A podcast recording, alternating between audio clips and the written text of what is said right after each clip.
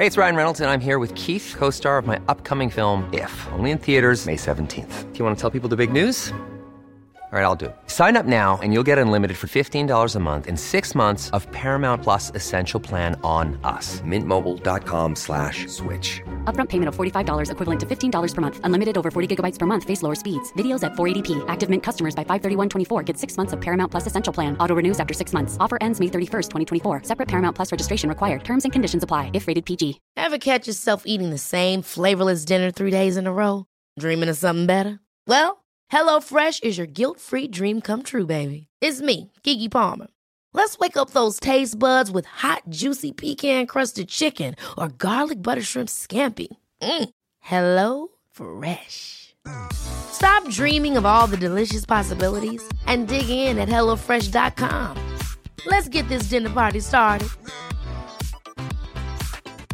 Quality sleep is essential. That's why the Sleep Number Smart Bed is designed for your ever evolving sleep needs. Need a bed that's firmer or softer on either side? Helps you sleep at a comfortable temperature? Sleep Number Smart Beds let you individualize your comfort so you sleep better together. JD Power ranks Sleep Number number 1 in customer satisfaction with mattresses purchased in-store. And now, save 50% on the Sleep Number limited edition Smart Bed for a limited time. For JD Power 2023 award information, visit jdpower.com/awards. Only at a Sleep Number store or sleepnumber.com. Dun, dun, dun, dun. Hei og velkommen til en ny episode av Becoming, en av Norges mest populære podkaster innen livsmestring. I hvert fall hvis du spør meg eller Isabel. Sist, eh, Tidligere i sommer så hadde vi en hyggelig episode som handla om rutine i sommerferien. Hvis du har hørt den episoden, så hørte du kanskje at jeg hadde en sånn eh, ydmyk undertone hvor jeg syns at Isabel burde chille litt, for rutine er ikke så forbanna viktig. Og jeg skulle i hvert fall ta meg en sommerfri fri for rutine, rutine, for nå har jeg jobba med min mentale helse i hele år, og jeg hadde endelig oppnådd den fantastiske følelsen av å være immun. Det gikk til helsike. Jeg har akkurat kommet meg ut fra en ganske kjip depresjon, eh, som jeg er ganske sikker på at har kommet fra bl.a. det at jeg ikke har overholdt noen rutiner. Så I denne episoden skal vi snakke om hvordan sommeren vår har vært. En liten sånn personlig update fra både meg og Isabel sin kant. Så vel velkommen til en ny episode av Becoming. Hei,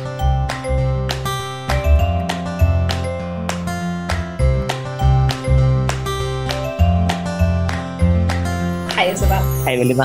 Eh, jeg må bare si noe, jeg vet ikke om jeg blir med, men det høres ut som kant, ikke kant.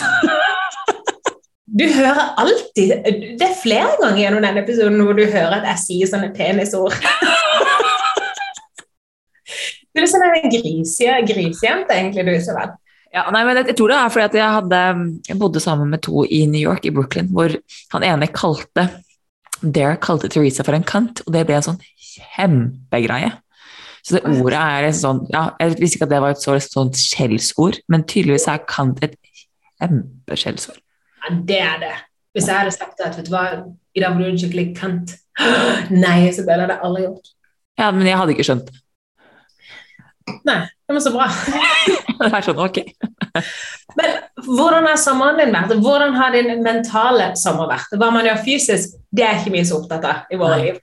Hvordan du har det mens du gjør dine ting, det er vi opptatt av. Hva har du stått i i sommer? Uh, og sommer, uh, I sommer så har det vært heftig, uh, faktisk, i meg.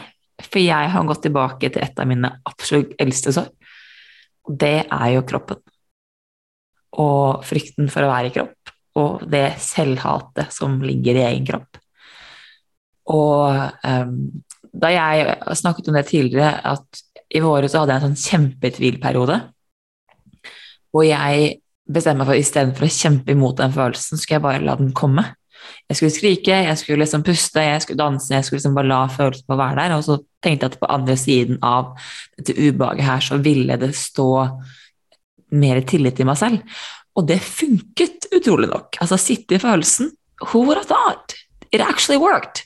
Og bare akseptere når følelsen kommer. Ikke prøve å numme den bort, eller ikke prøve å ta på TV eller musikk, eller bare glemme den. Bare sitte i den. Sitte, si 'jeg skjønner at nå er, du, nå er du redd', jeg skjønner at det her er vondt å tvile, og det var greit. Og det funket, og jeg er veldig overrasket at det funket så bra, og det gikk over så fort. Og at jeg på en måte nå har skjønt at jeg kan romme den følelsen av tvil. Da. Så tenkte jeg ok, la oss liksom altså, Og tvil har vært tøft for meg. Og kom jeg tenkte jeg selvfølgelig i kroppen min og livet at ok, Isabel, nå tok du tvil. La oss se hvordan runde to går. I ringen. Dung, dung, dung, dung. La oss ta kroppen din. Med delt i denne episoden, eller i tidligere episoder så har jeg slitt med spiseforstyrrelse da jeg var ung. Så jeg har et sånt ekstremt selvhatt i forbindelse med liksom den, det spøkelset som jeg kaller liksom da, um, anoreksien, da, som var det, måte, jeg, eller den diagnosen jeg fikk.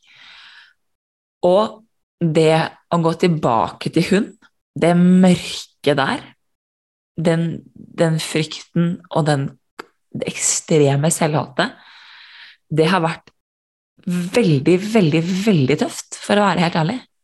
Sånn at jeg har, og jeg har måttet skrike, og jeg har måttet danse, og jeg har måttet bokstavelig talt si at Isabel, jeg skjønner at dette her er skummelt. Og det er helt greit. Og så holdt jeg på sånn her i et par uker, og så plutselig så skjønte jeg at wow, så langt du har kommet satt her hjemme da jeg skulle gjøre eh, kveldsutsikten min, kjente at det var behov for altså, at det kom igjen. Når jeg sier at jeg holdt på i et par uker, så er det sånn da, da kommer den å gå litt. For jeg sitter i følelsen, og så slipper den litt, og så kommer den tilbake igjen. Den er ikke helt ferdig. ikke sant? Den er liksom veldig i området, da. Det er litt sånn, Se for deg at hvis du vil ha familie på besøk som bor liksom på andre siden av landet, så er det sånn, de er hele tiden inn og ut. da, ikke sant? Kanskje litt borte, og så kommer de tilbake. Så var det den var, og er fortsatt for så vidt. Eh, men så kjente jeg plutselig at ok, jeg har behov for å få den ut igjen. Og så holder jeg på, og jeg er så stygg meg selv, ikke sant? Oppriktig sånn stygg og hater. Men jeg skjønner at dette er bare en del av meg. Det er ikke hele meg. Det handler ikke om meg og min verdighet. Dette her er bare én side av meg som er veldig frustrert og veldig sint, og som hater meg. Og så tenkte jeg at wow, tenk at jeg har kommet så langt. At jeg faktisk kan sitte her med meg selv og la den følelsen og det hatet og den kvinnen jeg har vært så redd for å møte, få sitte her og uttrykke seg, mens jeg vet at hun ikke er hele meg. Jeg kan sitte og ta med imot i sofaen og puste og danse og vite at det er helt greit. Du er en del av meg, ja, men du er ikke hele meg. Og hun bestemmer ikke min verdi som menneske. Hun bestemmer ikke hvor mye jeg er verdt. Hun forteller meg bare at jeg er her, og jeg har behov for å bli sett. Jeg har behov for at du ser meg og hører meg. Og det var det jeg gjorde. Og det er det jeg gjør. Som, som uh, i det klippet på slutten av Moana, som uh, du har sendt meg flere ganger, når hun da skal møte dette fjellet av lava, og så sier hun til dette hatet som egentlig er dette mørket, da, så sier hun This is not who you are. Og den var så sterk, nå som du sendte det klippet til meg nå, bare for et par dager siden. Og det er, jo, det er jo det du beskriver her nå, at det å kunne akseptere at den delen vi har prøvd å skjule fra oss sjøl, den delen vi er så redd for, den delen vi ikke tør å tenke på eller føle på, og bare OK, der er du. Du er ikke den jeg er. Du er ikke den som Du er ikke hele meg. Dine, dine Edith the Eager sier det i The Choice også, hun sier at dine handlinger definerer ikke hele deg som menneske og, og nå skal, det er to ting jeg skal si. Edith Eager har inspirert meg til å tørre å fortsette. Altså sånn, Den boken er veldig inspirerende for meg, fordi hun jobber hele tiden med sine egne, så hun gir seg ikke. Så da er jeg sånn, ok, Hvis Edith kan, så kan jeg. Men tilbake til den scenen du sier i Moana, er jo at um, vi skal linke til den. vi skal linke til akkurat det klippet ja. i beskrivelsen, så alle kan se den. Men mm. det er at hun går ned til vannet, fordi det mørke kan ikke gå Mørket kan ikke komme seg for vann. Ikke sant? Den må kun gå på jord. For det er en måte sånn den kan bevege seg. Så sier hun til vannet, og vannet er hennes beskytter, beskytter eller, og venn og guide gjennom hele filmen, så sier hun til vannet Let her come to me, eller la hun komme til meg. Og der kommer mørket i liksom full galopp, og her bare sånn Og så ser du bare hun går helt rolig og bare sånn Men jeg ser hvem du er. Og det, den følelsen er litt sånn jeg opplever det med meg selv. Det er, litt sånn jeg har lyst til å være. Er det mørket jeg har kjempet med så lenge, som jeg måtte ha hatet og virkelig altså, Og jeg har, vært, jeg har vært så stygg med meg selv at Og jeg er sikkert fortsatt veldig stygg med meg selv. Eh, jeg tror jeg måtte ha tatt ja, kanskje kransekake, eller toppen av kransekaken er liksom det som ligger i bunnen her. Men, men, det å tørre å liksom kjenne på at vet du hva, du trenger Det er ikke behov for å være så stygg. Det er faktisk mulig å være glad i deg samtidig som du kjenner på et ubehag i hvor du har vært, og egne sår. Så, og det er jo noe av det jeg jobber med, er ok Og det sånn skal sies at nå høres jeg veldig rolig ut, veldig behersket ut. og veldig sånn zen-mode når jeg snakker om det. Når det stormer som verst, da har jeg sendt deg snap, blant annet, og forklart deg. Og det er, det er helvete, helvete Det føles som jeg er i fengsel. Det føles som jeg er fanget i egen kropp. Så må bare kroppen bare tar helt over og ned. bare sånn, det her, Nå orker jeg ikke mer, jeg vil ikke mer. Jeg husker jeg spurte deg en dag, for jeg klarte ikke å forstå hva du følte. For du sa jeg stoler ikke på kroppen min. Så sa jeg men beskriv det. Her er noen alternativer du kan velge mellom. Og et av de alternativene jeg skrev, det var at du var redd for at kroppen din fysisk skulle sprenge. Og du sa at det, det er sånn det føles. Som om, som om kroppen din bare kan ikke håndtere at du er i live, så vil fysisk bare gå opp alle atomene bare vel mm. Mm. Så måte, det er det minst tryggeste stedet å være på jord. Da. Og jeg har jo eh, i, min, i, min, utvikling av min indre kvinne, som måte, er den som har vært hovedprosessen min de siste seks månedene, ja, nei, ja, syv månedene, så er jo det å jobbe med trygghet det viktigste for meg. Mm. Og, eh, og, det å jobbe med det å bli trygg i egen kropp, trygg i hvem jeg er, tillate meg til å være hun jeg er. Og der, igjen, da, ikke sant, det å kjenne på at kroppen ikke er trygg, det er den fysiske beholderen din. Den som mm. skal holde deg som menneske. Og du kjenner at den svikter. Og da var jeg tenkte jeg, ok, men det her er så primært, da. Det er jo en veldig sånn primær følelse. Kroppen er Det er, det er jo ikke en noe eksisten, Jo, det er jo eksistensielt, men det er veldig sånn på behovsnivå, da. Hvis du går tilbake til Marshalls behovspyramide, så er jo trygghet nummer to. Nummer én er jo fysiske behov. Mm. Og er, jeg tror veldig mange mennesker prøver å jobbe med selvutvikling og personlig livsmestring av de jeg tror er det fem eller syv steg i, i Marshalls behovspyramide, som er som den øverste, uten å jobbe med den tryggheten først.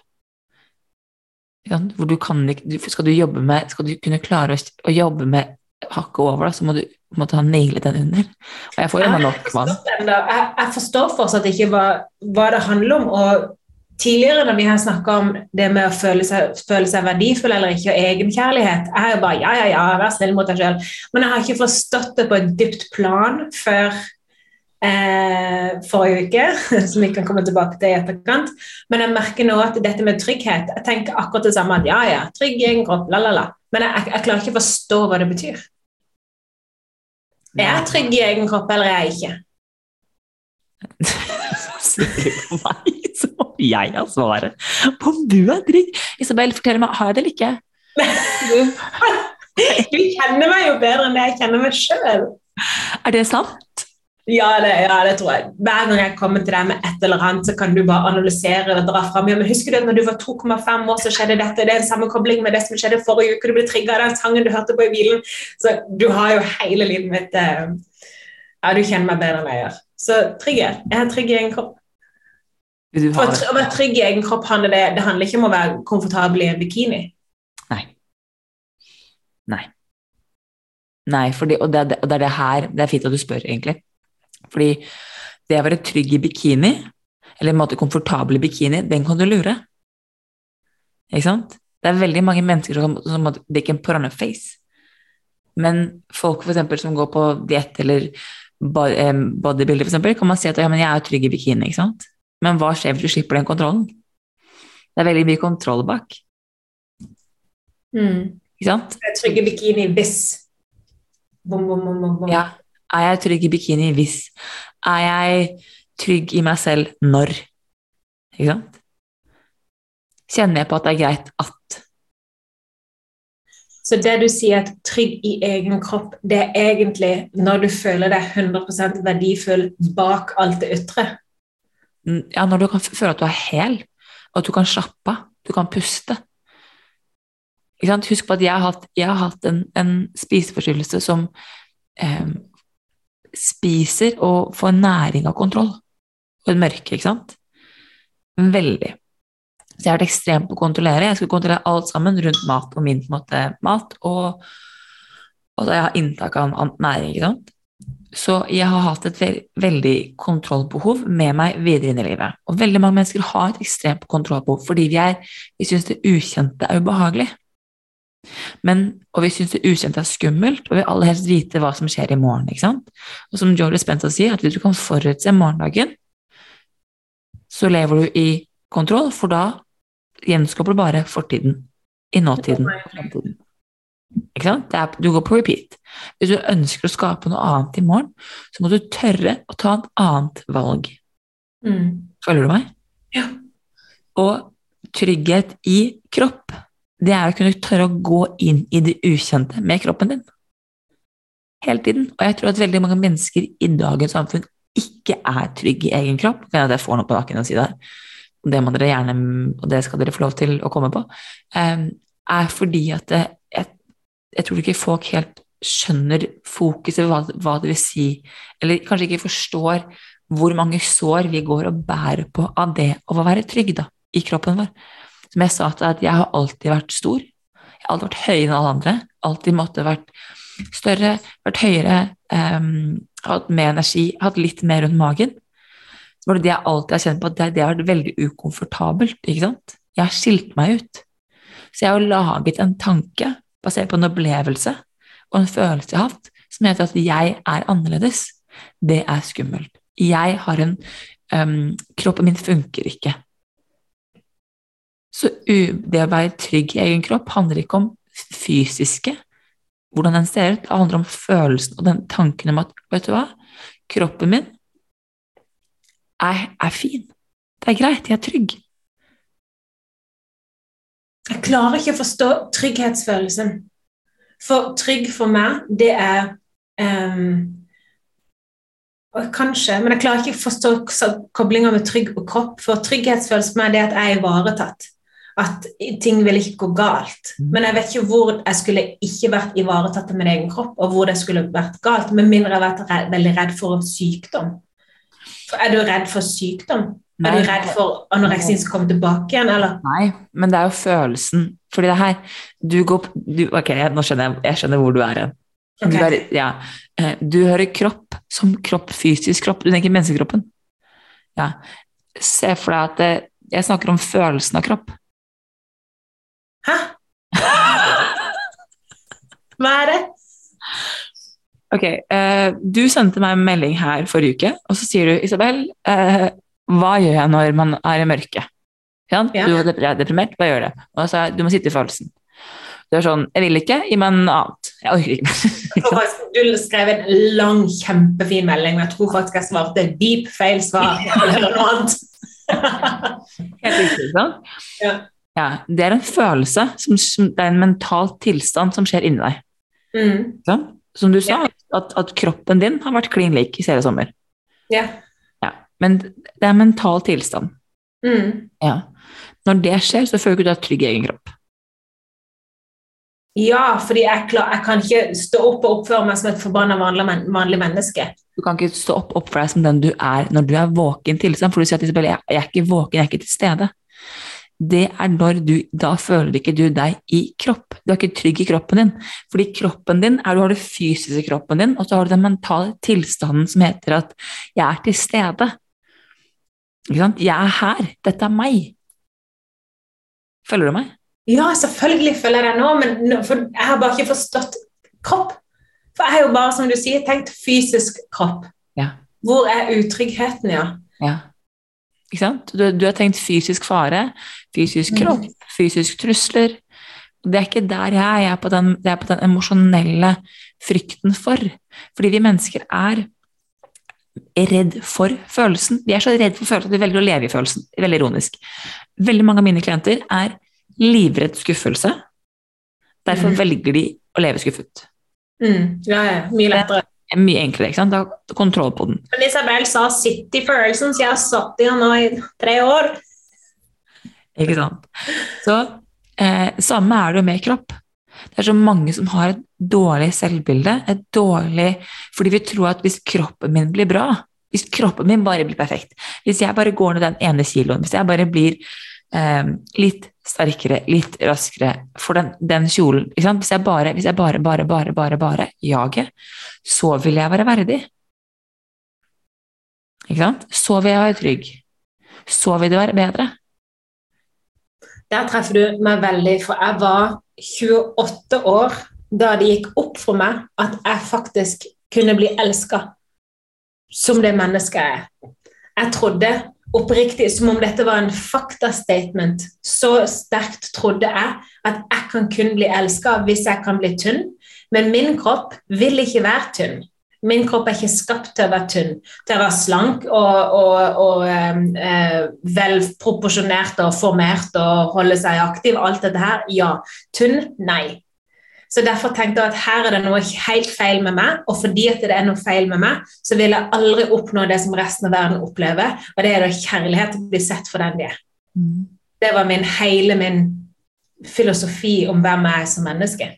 Jeg bare aksepterte det. Det er bare sånn det og når det, når, når det, da skjer, da, ikke sant? og det kan være at du er 28, eller at du kan bruke lengre tid, eller på en måte oppdage det før, er at da avviser du kroppen din. Du avviser den bort og sier at der vil jeg ikke ha noe med å gjøre. Du er ikke bra nok. Mm. Er ikke, du er ikke den ene tingen som passer inn. Ja, vi er begynner å bli et mer inkluderende samfunn. Men folkens, altså, la oss være ærlige.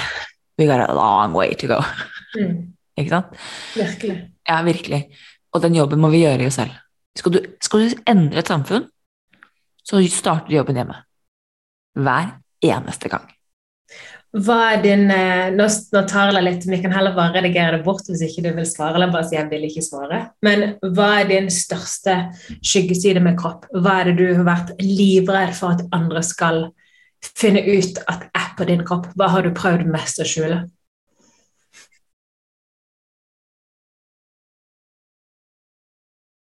Mitt naturlige meg. Å, selvfølgelig kom det sånn et überdypt svar som ingen forstår. Du går liksom usminka alltid. Du er, liksom, du er jo det mest naturlige mennesket på denne jord. Nei, men jeg, jeg har sagt det Jeg har jo, jeg har jo syntes det er veldig vanskelig å være fullt helt meg. Levd veldig, følt meg veldig fanget. Og følt at jeg måtte passe inn. Men det er personlighet. Nå gikk vi på kropp. Ja, men, men, og det er der, og det har måttet reflektert i kroppen min, fordi den følelsen av å, å føle at jeg er fanget, kommer fra kropp. Husk på at jeg har alltid vært altså, Jeg har en storesøster som jeg ikke kaller for storesøster, fordi jeg kaller henne for søsteren min. Det har du helt sikkert merket til. Fordi at jeg alltid Jeg måtte tenke litt nå, vent litt. Ja, ok. Ja, fordi at jeg fordi at jeg vokste hun over hodet veldig tidlig. Så enten vi folk så sammen, enten var vi, var vi tvillinger, eller så var jeg eldst. Ikke sant? Jeg har alltid vært høyere enn alle andre. Ja, same. Så, når, Join the club. Og dermed så lagde jeg en tanke i hodet mitt som heter at jeg er ikke bra nok. Ikke sant? Det er noe gap med meg. Jeg passer ikke inn. Og jeg ønsket så veldig å passe inn. Jeg ønsket så veldig gjerne bare det. Altså, hvorfor kan ikke jeg bare minske meg litt? Mm. Ikke sant? Alle var sånn at du er perfekt til å bli keeper, for du er høy. Ok, nå ble jeg keeper og spilte, var keeper i 13 år, men det var sånn jeg fikk den rollen. Ikke fordi jeg syntes det var gøy å være keeper, ikke fordi jeg ville, jeg egentlig være spiss. Men hva skulle en høy jente i ung alder gjøre der som spiss? Hun var mye bedre plassere mål. Så jeg måtte føle at jeg har begrenset meg så veldig. Mm. Så da for meg, og det er jo frykten min, hvordan kan den, nå ønsker jeg å måtte ekspandere og bli fri, så hvordan kan jeg ikke, ikke på en måte ta meg da? Og så kan det godt hende at folk, liksom, som du sa, at folk du kjenner bare Men jeg har alltid vært liten. Og det er ikke at det å være stor er verre enn det å være liten. Eller det å ha store pupper er verre enn det å ha små pupper. Og for guds skyld, gutta har det ikke noe lettere. La oss bare, altså, Vi jenter tror at vi er de som bærer på mye skam og, og utrygghet rundt kropp. Gutta, de er faktisk altså Jeg tror de har det ikke verre, men de har det veldig tøft, de også psykisk med kropp og presset. Generelt samfunnet har det. Mm. Så det der å tillate meg selv Ok, hva skjer hvis jeg på en måte bare Og det er det, altså sånn Du kan jo se for deg når du er 13 år, da, og du ender opp med å måte utvikle en spiseforstyrrelse, så er det jo noe med det at da den har tanken satt seg så dypt. Du er så ung og kjenner på et sånt sinnssykt mørke. Da er det jo et ekstremt behov for at, og frykt for at hva skjer hvis jeg er meg? Det som er veldig vanskelig med å jobbe med såpass gamle sår, det er jo at eh, de tankene du hadde som 13-åring Du hadde et helt annet vokabular på den tida, så det er veldig vanskelig å fange. For veldig ofte så, Det har jo jeg gjort med det når jeg har hatt våre meditasjoner hvor du skal um, gå inn i, guide meg i en meditasjon for å finne ut av hva problemet er, så kan jeg gjerne fortelle deg at å, dette er følelsen. Men det er ikke det som var følelsen. Jeg bare hadde ikke navn på den. sant? Så man må gjennom så utrolig mye for å komme til bunnen for å, for å jobbe med det. Um, mens jeg, var, jeg var syk sommer, lå med feber i et mørkt rom på et femstjerners hotell i mange dager og binga uh, Stranger Things. Og, har du sett noe av Stranger Things, du? Tror du jeg tåler eller? Nei, det tror jeg overhodet ikke du tåler. Jo, du hadde, du hadde tålt hva som helst. Men... Nei, Belinda, side note. Da jeg skulle lese boken til Edith Eager, ja. den delen om Auschwitz Jeg ble så stressa av det at jeg måtte faktisk avslutte kvelden med husmorsporno. Jeg måtte lese, jeg måtte lese 'Kjekk, men drittsekk'. jeg måtte ta meg selv litt på stedet der det føles godt.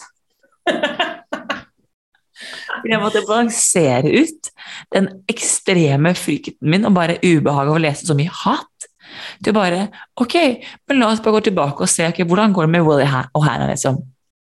Så. Jeg, kan, jeg kan se den, for sånn føler jeg det litt hvis jeg ser på actionfilmer. Men det er mest fordi at de alltid må knuse så mye bygning og drit. Jeg blir så sliten av det der. Men uansett, hvor var vi? Gå tilbake. Yes, Stranger Things. Sesong fire. Dette her handler, Hele Stranger Things handler om at det er en upside down world, som er i tro kopi av den verden vi er i dag, men han er blitt overtatt av the darkness.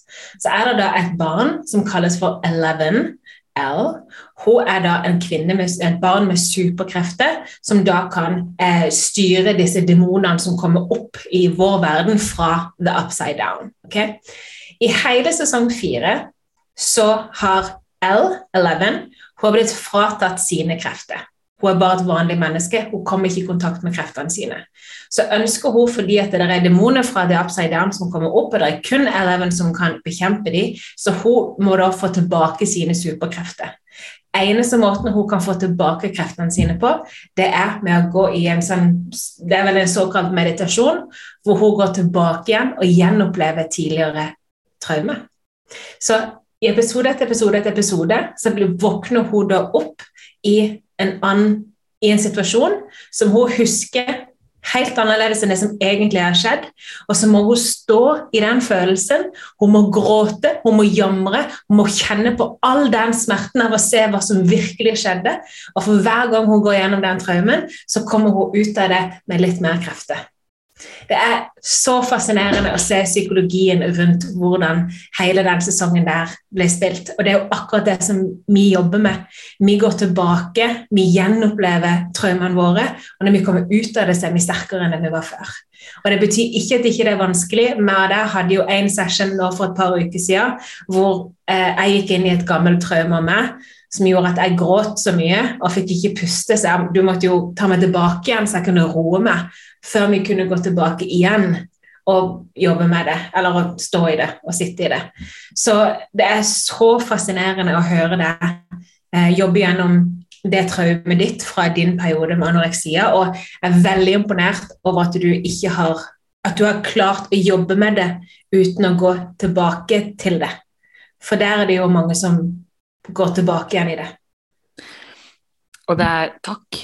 Det er, men Uh, det, men jeg, altså, jeg, kan ikke få si hvor nok og det å skrike, det å puste og det, det, å danse for meg er en måte hvor jeg slipper Jeg får tilgang til kroppen min og underbevisstheten min. Jeg får tilgang til følelsen, for følelsen sitter i kroppen. Mm. Det er der den har lagret seg. Jeg får tilgang til den delen av meg, og jeg trenger ikke nødvendigvis finne ord på det. Mm.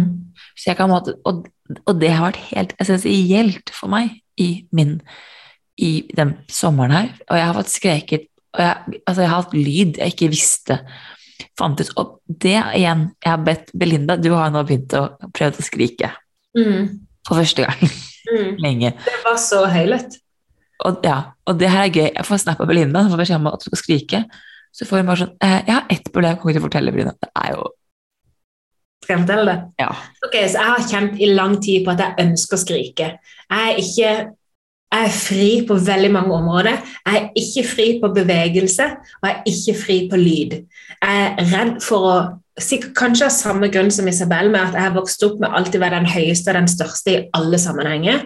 Har tatt mye plass, og i voksen alder så har det nok gjenspeila seg at jeg ønsker å gjøre så lite ut av meg som mulig. Jeg har alltid kledd meg eh, veldig anonymt, holder på å komme ut av det nå. Jeg har alltid ønska at ingen skal se meg eller høre meg. Jeg for guds ikke lage for mye lyd. Jeg husker enda For noen år siden så var det min søster som for jeg, jeg lekte med barna sitt, og så lagde jeg mye lyd. Så sa min søster til meg kan du være så grei ikke lage så mye lyd. Og alle sårene i hele kroppen min bare ding, ding, ding, ding, ding, ding, ding. Skal jeg bære med meg nå de neste 15 årene.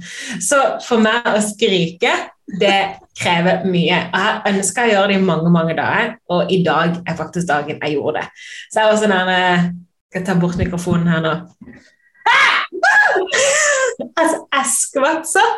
Altså, hva slags lyd var det? Jeg hørtes ut som en mann. Det var altfor høyt, gjorde vondt i ørene mine, og så begynte jeg bare å le. Og så prøvde jeg noen flere ganger, um, og det var helt fantastisk. Så ringte jeg jeg lo jo bare etterpå, så ringte jeg til mamma på FaceTime og bare mamma, har du prøvd å skrike noen gang for disse frigjøre følelser. Og mamma bare jeg vet ikke, la oss prøve da! Og hun hyler på sin side av FaceTime, og jeg hyler på min side av FaceTime. Men så sendte jeg en snap til Isabel etterpå og bare ok, nå har jeg prøvd å skrike, men hva pokker jeg med den lyden? Det var veldig høyt. Jeg er så lydsensitiv, jeg orker ikke masse lyd. Jeg er jo sånn som kjører ti timer i bil uten radio, uten podkast, uten noen ting ofte. Så eh, da sa du til meg de nye AirPodsene, som er støyreduserende, ta på de og, og masse lyd, sånn at du ikke hører Eller bare dytt noe inn i øret, sånn lyddempe, så funker det. Men ja, det er, det, det er overraskende hva som kommer ut. Og det er veldig lurt å gjøre det um, i bilen, for det er liksom trygg. For Det gjorde jeg jo da min far døde, Mm. men da hadde jeg jo ikke noe valg på en måte, da kom det bare via meg. Men jeg gleder meg til å kjenne mitt urrop, for jeg vet at jeg har bare skreket helt på toppen. Og jeg har igjen Edith Eager i The Choice, en bok som jeg anbefaler alle å lese. Foreløpig kun på engelsk, men vi får se hva vi får gjort med det. Hvis flest, mange nok er interessert, skal vi få en på norsk.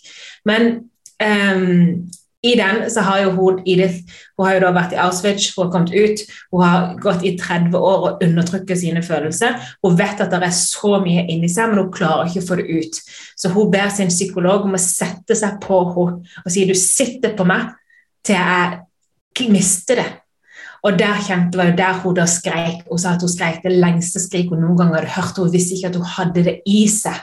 Og bare det uropet der, det, det skal jeg oppleve en eller annen gang. Men kan jeg bare få si en ting? For i helgen så var jeg i bryllup Ja. til, en, eh, til en av mine beste venner fra USA. Urskrik midt i bryllup, eller? Nei, fordi her er clouet. Jeg kommer litt sent. Uh, vært utfordring på veien igjen. Jeg er kjempestressa. Altså sånn, jeg er superstressa, ikke sant. Jeg er veldig utenfor min komfortsone. Uh, så kan være sammen med masse mennesker jeg ikke har vært sammen med. Jeg har ikke vært i så stor forsamling med mennesker på veldig lenge. På en måte har ikke vært mye alene i sommer av fordi jeg har behov for å gå dypt i meg selv. Og skjønt ok, nå skal jeg med masse mennesker, hva gjør jeg? Hvordan i alle skal jeg håndtere mine følelser? Hva gjør jeg hvis jeg har behov for å skrike? ikke sant? Det jo, dette hotellet her er jo så altså, er Lyden på at du kan høre når noen dry- drypper en liksom barnål på andre siden av liksom gangen. ikke sant? Bare sånn, det er helt på andre siden av huset. Og ligger- så hører jeg at det er en baby rett ved siden av meg. Og jeg, skjønner, på vei, og jeg skjønner bare fader, det her, nå må jeg måtte være løsningsorientert. Og så skal jeg fikse meg før vi skal ned til vannet til vielsen. Og jeg kjenner på at jeg er så stressa at jeg, jeg klarer ikke å lande. Jeg er sånn, bare, jeg, jeg må skrike. Bare, Nei, men du kan ikke. Altså, sånn, er, du har ikke møtt gjestene, og det er ikke noe som er bare sånn Jeg er skrikeren i huset. Sorry. Jeg heter Isabel! Så det jeg gjør, er at jeg setter meg kliss naken på gulvet og gjør på en måte pusteteknikken, men jeg skriker uten lyd. Så jeg sitter Altså Det er den sjukeste opplevelsen. Jeg tenkte, vet du hva, nå skal jeg bare fortelle meg selv at jeg skjønner at jeg er stressa, jeg skal være der. Og så om det ikke kommer lyd i dag, så går det greit, for en dag må, du må klare én dag i uten ordentlig lyd. Det får du til. Men så jeg sitter bare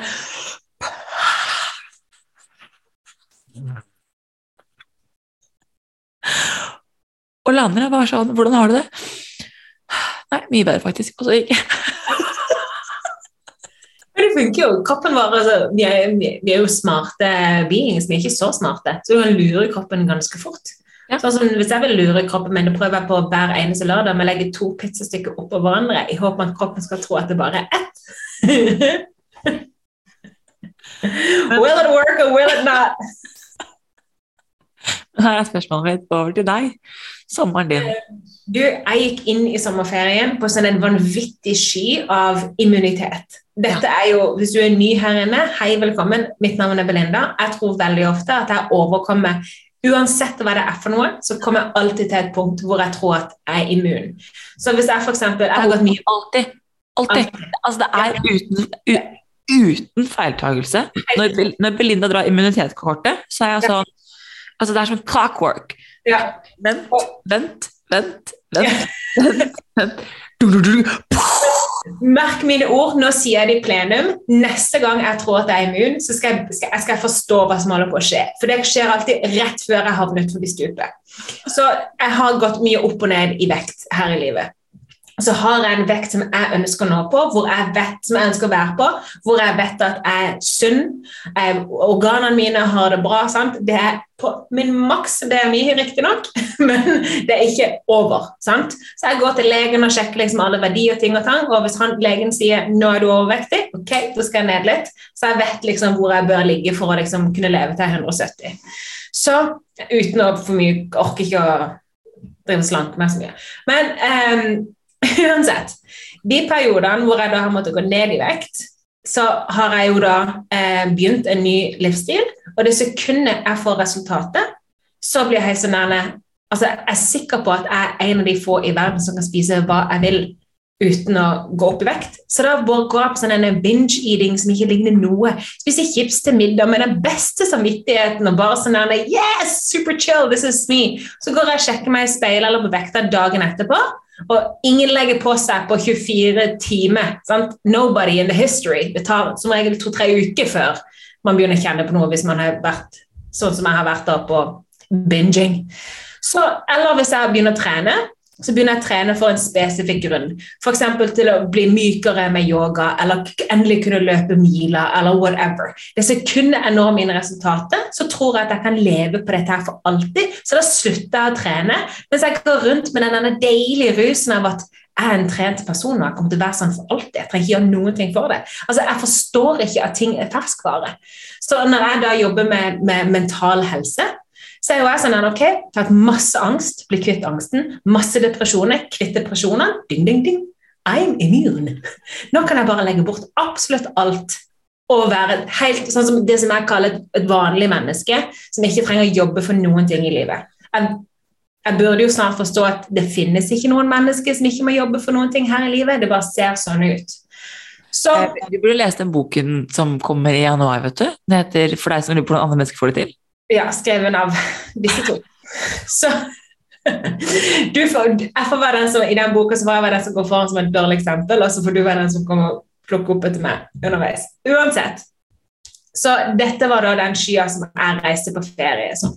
For da har jo jeg nå brukt seks måneder på min egen mentale helse, seks måneder på å trene, seks måneder på å spise sunt, på å kutte sukker, på å kutte alkohol, alt dette her. Og jeg var jo så immun som du kunne fått det på absolutt alle nivå. Så jeg orka i hvert fall ikke ta med meg rutine, journaling, meditasjon, boring. Jeg skal bare på ferie. Så vi dro på ferie. Den første uka var amazing. Kunne sove så lenge jeg ville hver eneste dag. Eh, trengte ikke tenke på noe som helst. Eh, is, ja takk. Sjokoladekake, yes please. Cheesecake, eh, to takk. Cheesecake rett rundt midnatt, eh, ja. Eh, is, oi, denne isen var god, men la oss prøve den der etterpå. Altså, det er ikke sånn at jeg spiser bitte litt. Det er sånn give me everything. sant? Pizza, pasta, everything. Eh, og den første uka så eh, trente jeg fortsatt mye fordi jeg eh, elska det. Du kom til det punktet hvor jeg liksom Når du kjenner at nå må jeg bare stå i en downwards dag Nå må jeg ned i doggy, men når du når du kjenner den følelsen nå må, nå må, skuldrene mine de må bare få kjørt seg litt. Så um, jeg klarte meg veldig greit. Så ble jeg syk og ble jo da sengeliggende med feber og hele forbanna pakka. Og der røyk jo det siste jeg hadde som på en måte holdt meg. Det var jo da um, trening og bevegelse. Så nå har jeg jo da ingenting igjen av det på en måte de verktøyene som jeg har brukt for å holde meg uh, super happy and upbeat. Så da jeg kom hjem um, Da hadde jeg hatt én uke på ferie superfrisk, én uke på ferie uh, veldig dårlig. Uh, og da jeg kom hjem, så tror jeg at mitt, mitt mentale og syke, mitt psykiske og mitt fysiske immunforsvar var bare på bunn. Så jeg hadde ingenting å komme med. Så jeg kom hjem her, gikk rundt i huset, gikk opp og la meg, og der ble jeg i fire-fem dager. Altså, Folk ringer meg på telefonen, jeg kunne ikke brydd meg mindre. Sosiale medier Fuck no. Uh, min ektemann er bare verdens skjønneste. Han, han, vet nå at han må bare la meg være i det. Jeg kommer ut av mitt hi når jeg er klar. Um, han bare går beskjed om at du trenger noe, så er jeg her for deg, men jeg skal ikke pushe deg på noe som helst vis.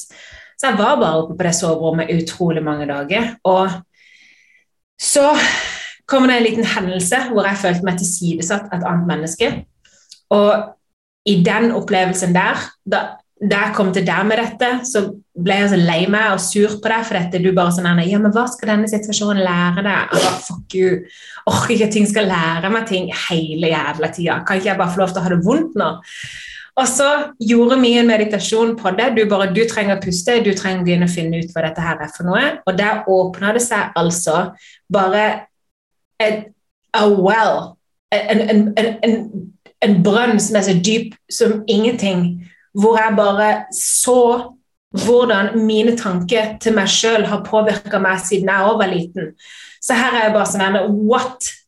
Altså, jeg, jeg, gråter jo så som jeg ofte gjør. Um, så det som skjer er at meg og Isabel sitter i en meditasjon hvor vi puster sammen, og så guider hun meg inn. Og jeg lurer på om du er til stede inni der. I don't know how you do it, men um, jeg, jeg, går inn i en mental state. Du, du, våkner på en måte opp inni deg, og så er du en plass, og så føler du veldig ofte grunnen eller hele følelsen som du har følt litt av overflaten på.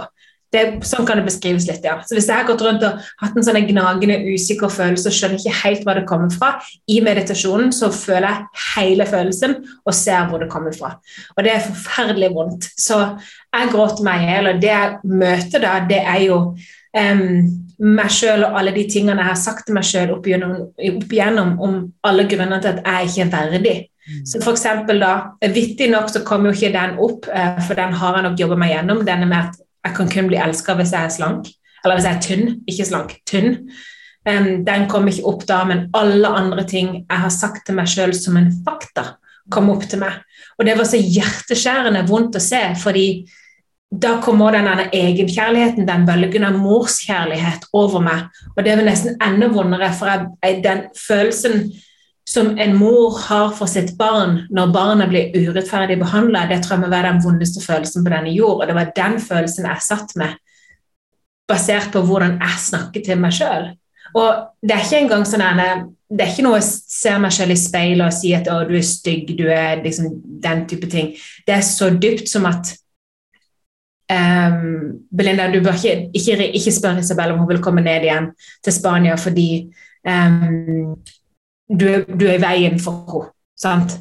Du, du, kan ikke forvente at hun skal ha lyst til å være med deg, så nå må du skjerpe deg. Sant? Og så svarer jeg meg sjøl med ja, ja, herlighet, det var dumt av meg å tenke den tanken. Jeg skal være kjempefornøyd med at vi møtes på FaceTime. Sant? Og vi skal sikkert møtes eh, angående noe jobb. Så, altså, og det høres ikke ut som så vanvittig selv, negativt selvhatt, men det er jo Tenk at jeg kan fortelle meg sjøl at jeg er så lite verdig at å invitere deg til Spania er ikke verdig å engang invitere deg. Og som du har sagt da når jeg snakka med deg om dette, at jeg fratar deg en mulighet. Sant? Så det var, det var, så mange ting på den lista at det er noe jeg har jobba med de siste dagene. Det er bare som du sier, å sitte i følelsen. Så nå står jeg opp grytidlig mens det enda er helt mørkt ute. Og så sitter jeg ute, og så går jeg bare inn og bare OK. Hva har jeg sagt til meg sjøl? I begynnelsen så er det bare sånn ingenting, jeg er sulten, vil ha kaffe. sant? Og så begynner det å komme, og så skriver jeg ned ting for ting. Hva har jeg sagt til meg sjøl? Jeg er ikke verdig hvis jeg ikke går i farge. Sant? Og det som veldig ofte skjer, er at jeg setter meg sjøl som det motsatte av noen andre. Så som Kristin Gjelsvik sin venn er jeg ikke verdig fordi at jeg ikke går i farge. Jeg er ikke verdig fordi huset mitt ikke har farge. Jeg er ikke verdig fordi jeg er fortsatt frivillig barnløs som din venn er ikke verdig fordi at eh, du er masse energi, og jeg har lite energi. Sant?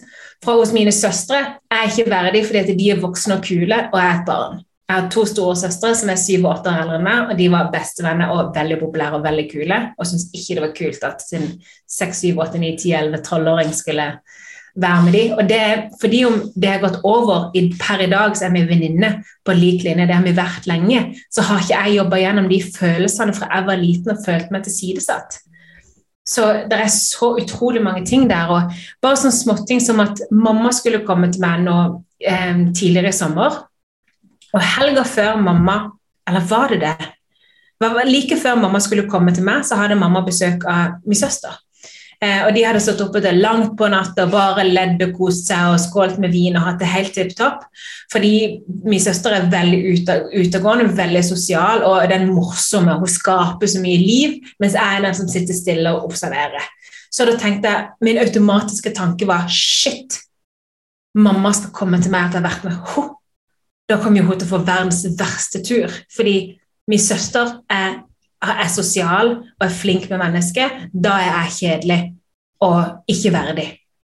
Så, sånn går jeg hele tida med mine bonusbarn. De har en, en, mor som er utrolig strukturert. og har liksom, Hun har jo vært mor i 18 år.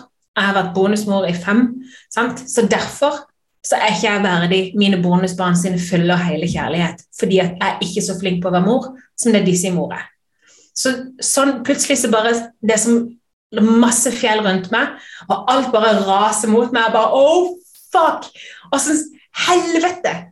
Åssen skal jeg håndtere alt dette her?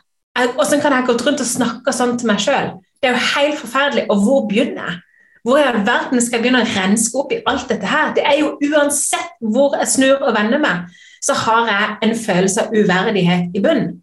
Så jeg, jeg, jeg, fortjener ikke de skoene, fordi at jeg er vanligvis en størrelse 40 det, by the way, jeg har ikke vært med 40 på veldig mange år. Jeg er 41. ok? Let me just break it. It happened. Janko spurte meg for noen dager siden. Han bare 'Baby, what shoe size are you?' Jeg bare, Officially 39, but between you and me, 41. Men jeg har til og med unngått å kjøpe sko hvis jeg har måttet gått litt opp fra 40, som jeg alltid må. Jeg har unngått å kjøpe klær. Nå har jeg kommet til det punktet at jeg kjøper Sara-klær i sånn XXX600 fitte XL.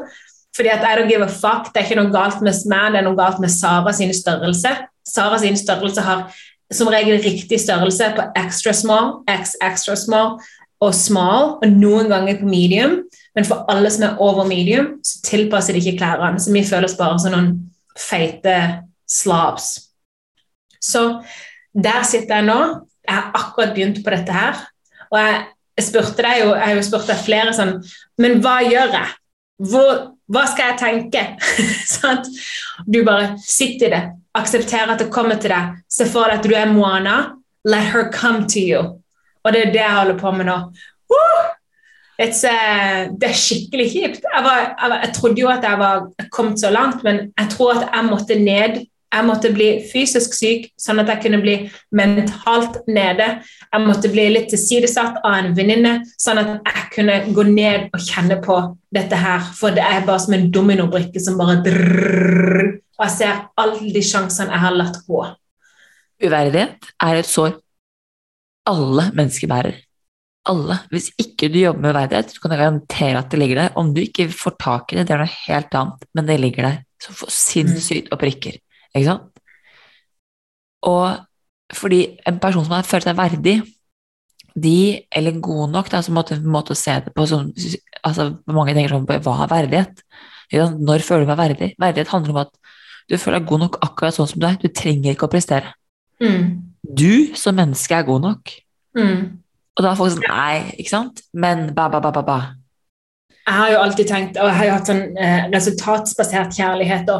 Så de første årene med min mann, oh my god, jeg var utslitt. Fordi jeg kunne ikke bare være, jeg måtte jo gjøre noe for at, han skulle, eh, for, for at jeg skulle fortjene hans kjærlighet. Så hvis han bare dro eh, på, en, eh, på, en, videojobb, sant? han skal filme noe, og jeg er utslitt Det eneste jeg ønsker, det er å være alene hjemme ikke lage middag eller noen ting, og bare se på TV eller slappe av eller gå på besøk til noen venninner eller whatever. sant? Det jeg gjør istedenfor, det er å f.eks. sortere boden eller rydde hele garasjen. Eller en gang på mitt mest slitne så lagde jeg en TV-stue. Jeg malte TV-stue og handla møbler og gjorde alt som er klart der, bare for å vise han han kom tilbake at se, jeg har fysisk gjort noe. Nå kan du få lov til å elske meg. Og det å gi slipp på den, og jeg tror kanskje det er derfor at det å være syk nå og virkelig ikke gjøre noen ting. Og det å være syk når vi har brukt sykt mye penger på et femstjerners hotell på en ferie, vår aller første ferie sammen. Vi har aldri vært på ferie, vi har bare vært på jobbreise. Og det å bli syk der og se at han bare OK, I love you. You're beautiful. You're amazing. I'm enjoying my time with you. I love taking care of you.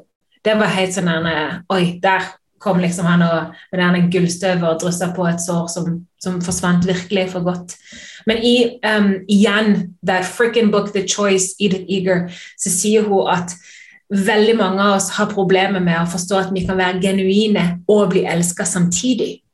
Og når du ikke forstår det, så kommer det en disconnection som gjør at du blir frarøvet din egen natur.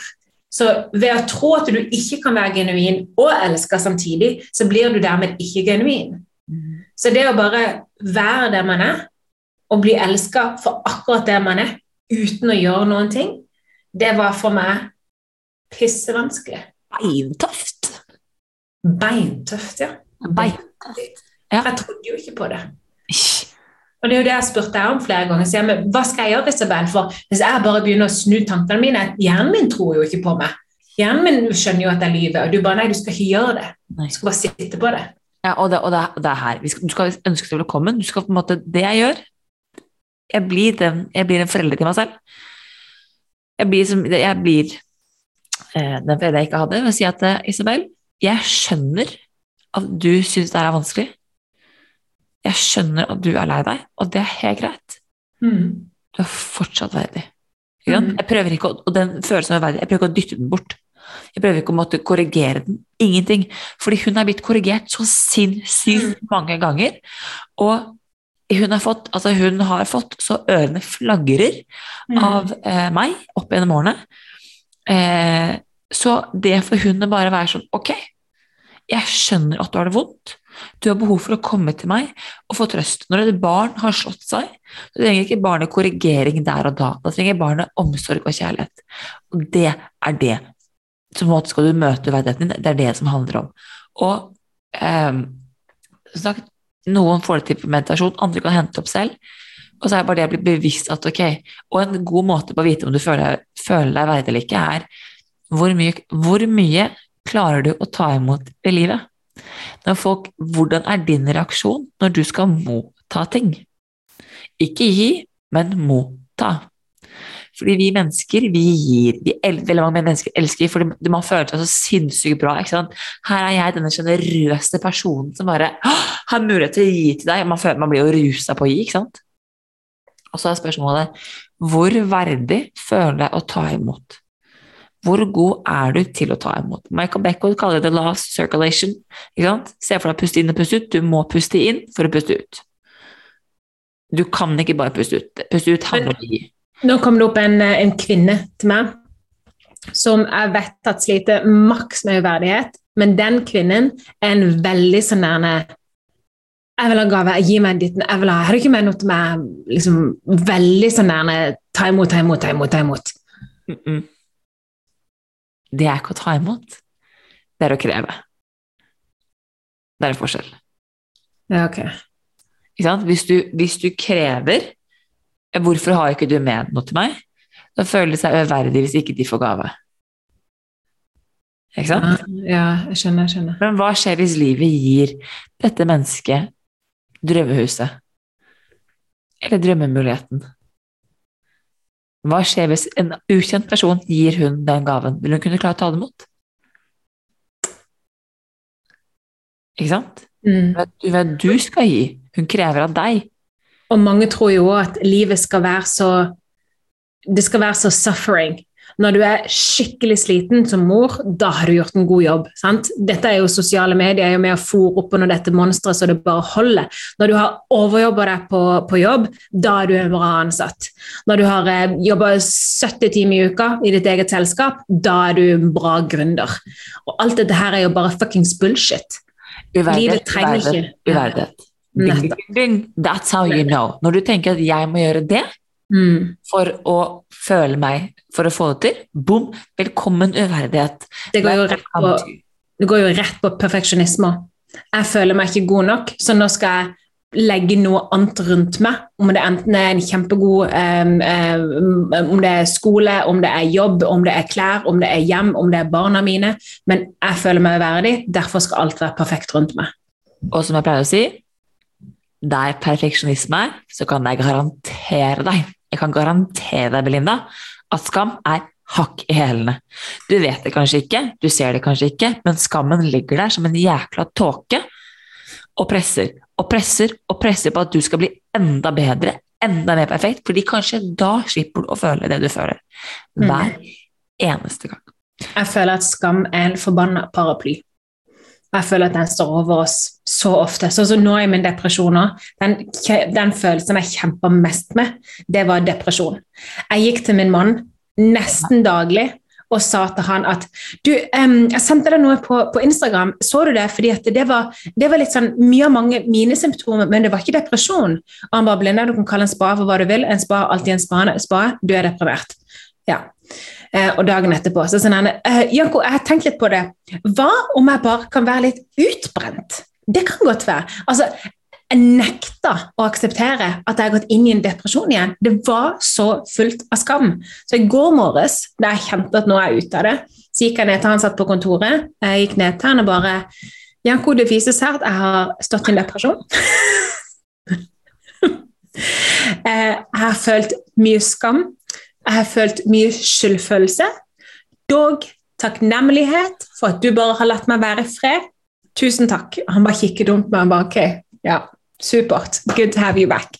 Men det er så rart at all den skammen er bare sånn jeg, jeg, kan ikke. no. No. Husk på at skam angriper din verdighet. You don't say! Jævla maskingevær. I gonna take you down, bitch! You think you are! Velkommen til actionfilmen Belinda har med skam. Oh, kanskje vi skal ha en hel pod-episode hvor vi bare snakker sånn actionfilmspråk. Altså, så det er skam. Altså, skam angriper egenverden. Altså, angriper dine verdier som menneske. Og veien med skam, altså motkuren til skam, er jo empati. Mm, og medfølelse. Altså, ja, empati er medfølelse. Og igjen det å si at jeg skjønner at det her er vondt. Helt mm. Det er medfølelse, og vi må tørre å gi medfølelse til oss selv. Vi må tørre å si ja, ok, så er jeg tilbake i depresjon. Vet du hva, sånn skjer. Sånn mm. skjer. Altså, sånn, jeg, jeg, tror ikke at jeg kommer til Jeg er ikke immun mot mitt eget mørke. I det langt derifra. Ikke sant?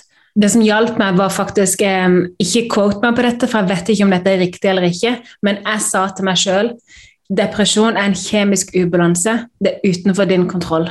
Vent til det går over, så kan du heller jobbe for å unngå en ny kjemisk ubalanse. Og da ble jeg litt sånn Ok, ok, dette kan jeg håndtere, dette kan jeg akseptere. Men der, der igjen, det er jo egentlig rett i offermentalitet. Verden skjer mot meg, jeg er utenfor kontroll, stakkars meg. Nei, jeg gikk ikke stakkars meg. Jeg brukte det som, en, som, et verktøy for å akseptere, egentlig. Ja, og innimellom så må vi ned i ja. Du var offermentalitet, og du sa at du, at du sa beep, feil melding. Kan du være så gi meg et annet svar, SML? Og da sa jeg ok, hva vil du ha? Og du sa gi meg løsningene. Så sa jeg ok, en, da må du bli en fisk. Ja, du sa da vil jeg være en fisk.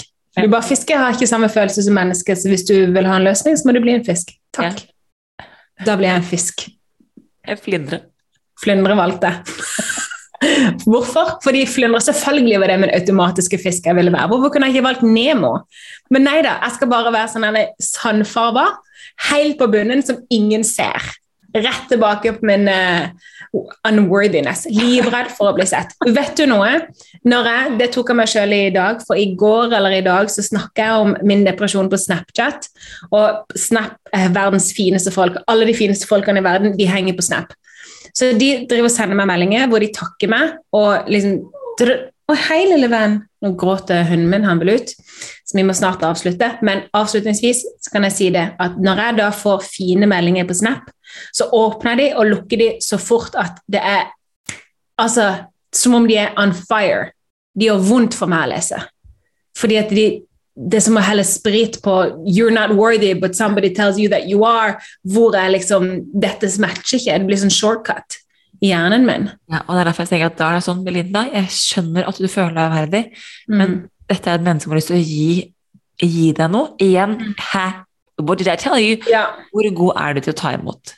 Veldig dårlig, viser det seg. det jeg har lyst til å avslutte dagens episode med, er still deg selv spørsmålet hvordan, Hvor flink er du til å ta imot fra fremmede mennesker? Og fra, for deg sjøl. Og for deg selv. Hvordan hadde det vært for deg hvis du fikk det, det du drømte om fra et fremmed menneske? Om du fikk én million fra et fremmed menneske uten å vite hvorfor du ga det til deg, hadde, hadde, du klart å ta det imot? Mm. Og komplimenter. Komplimenter. Mm. Blikk gode kommentarer, en klem Hvis et annet menneske kommer bort for å gi deg en klem, du har savnet en klem i hele dag, hadde du tatt den imot? Mm. Og med det så skal vi avslutte dagens veldig eh, dype samtale om det er WHO. Ja, det var deilig. Jeg brukte litt kjipt nesten at det ble recorda, for dette kunne egentlig vært en samtale mellom meg. Ja. Men det var deilig. Jeg brukte det sånn som utløp. Jeg trengte denne poden. Og til dere som lytter nå, um, hvis du går inn på Instagram på at becoming the podcast, så blir jeg veldig glad hvis du forteller hva du syns om dagens episode. Fordi i dag var vi personlige og fortalt en update på vårt liv. Og det er noe vi vurderer om vi skal fortsette med innimellom. Men kun Isabel bare Ikke meg, ikke meg, ikke meg. Det er vanskelig for Isabel å dele. Ja, men det er vanskelig. Det er vanskelig. Men det, det her er det sårbarheten som eh, blir røska med, så det holder. Men vi må vise folk at det er vanlig å være menneske med alt det mennesket innebærer. Så hvis du kan gå inn på Instagram og fortelle oss hva du syns om denne episoden, så blir vi veldig glad. Og hvis ikke du likte det, fair and square. Hvis du likte det, let us know. Ok? Bye, my darling. Bye.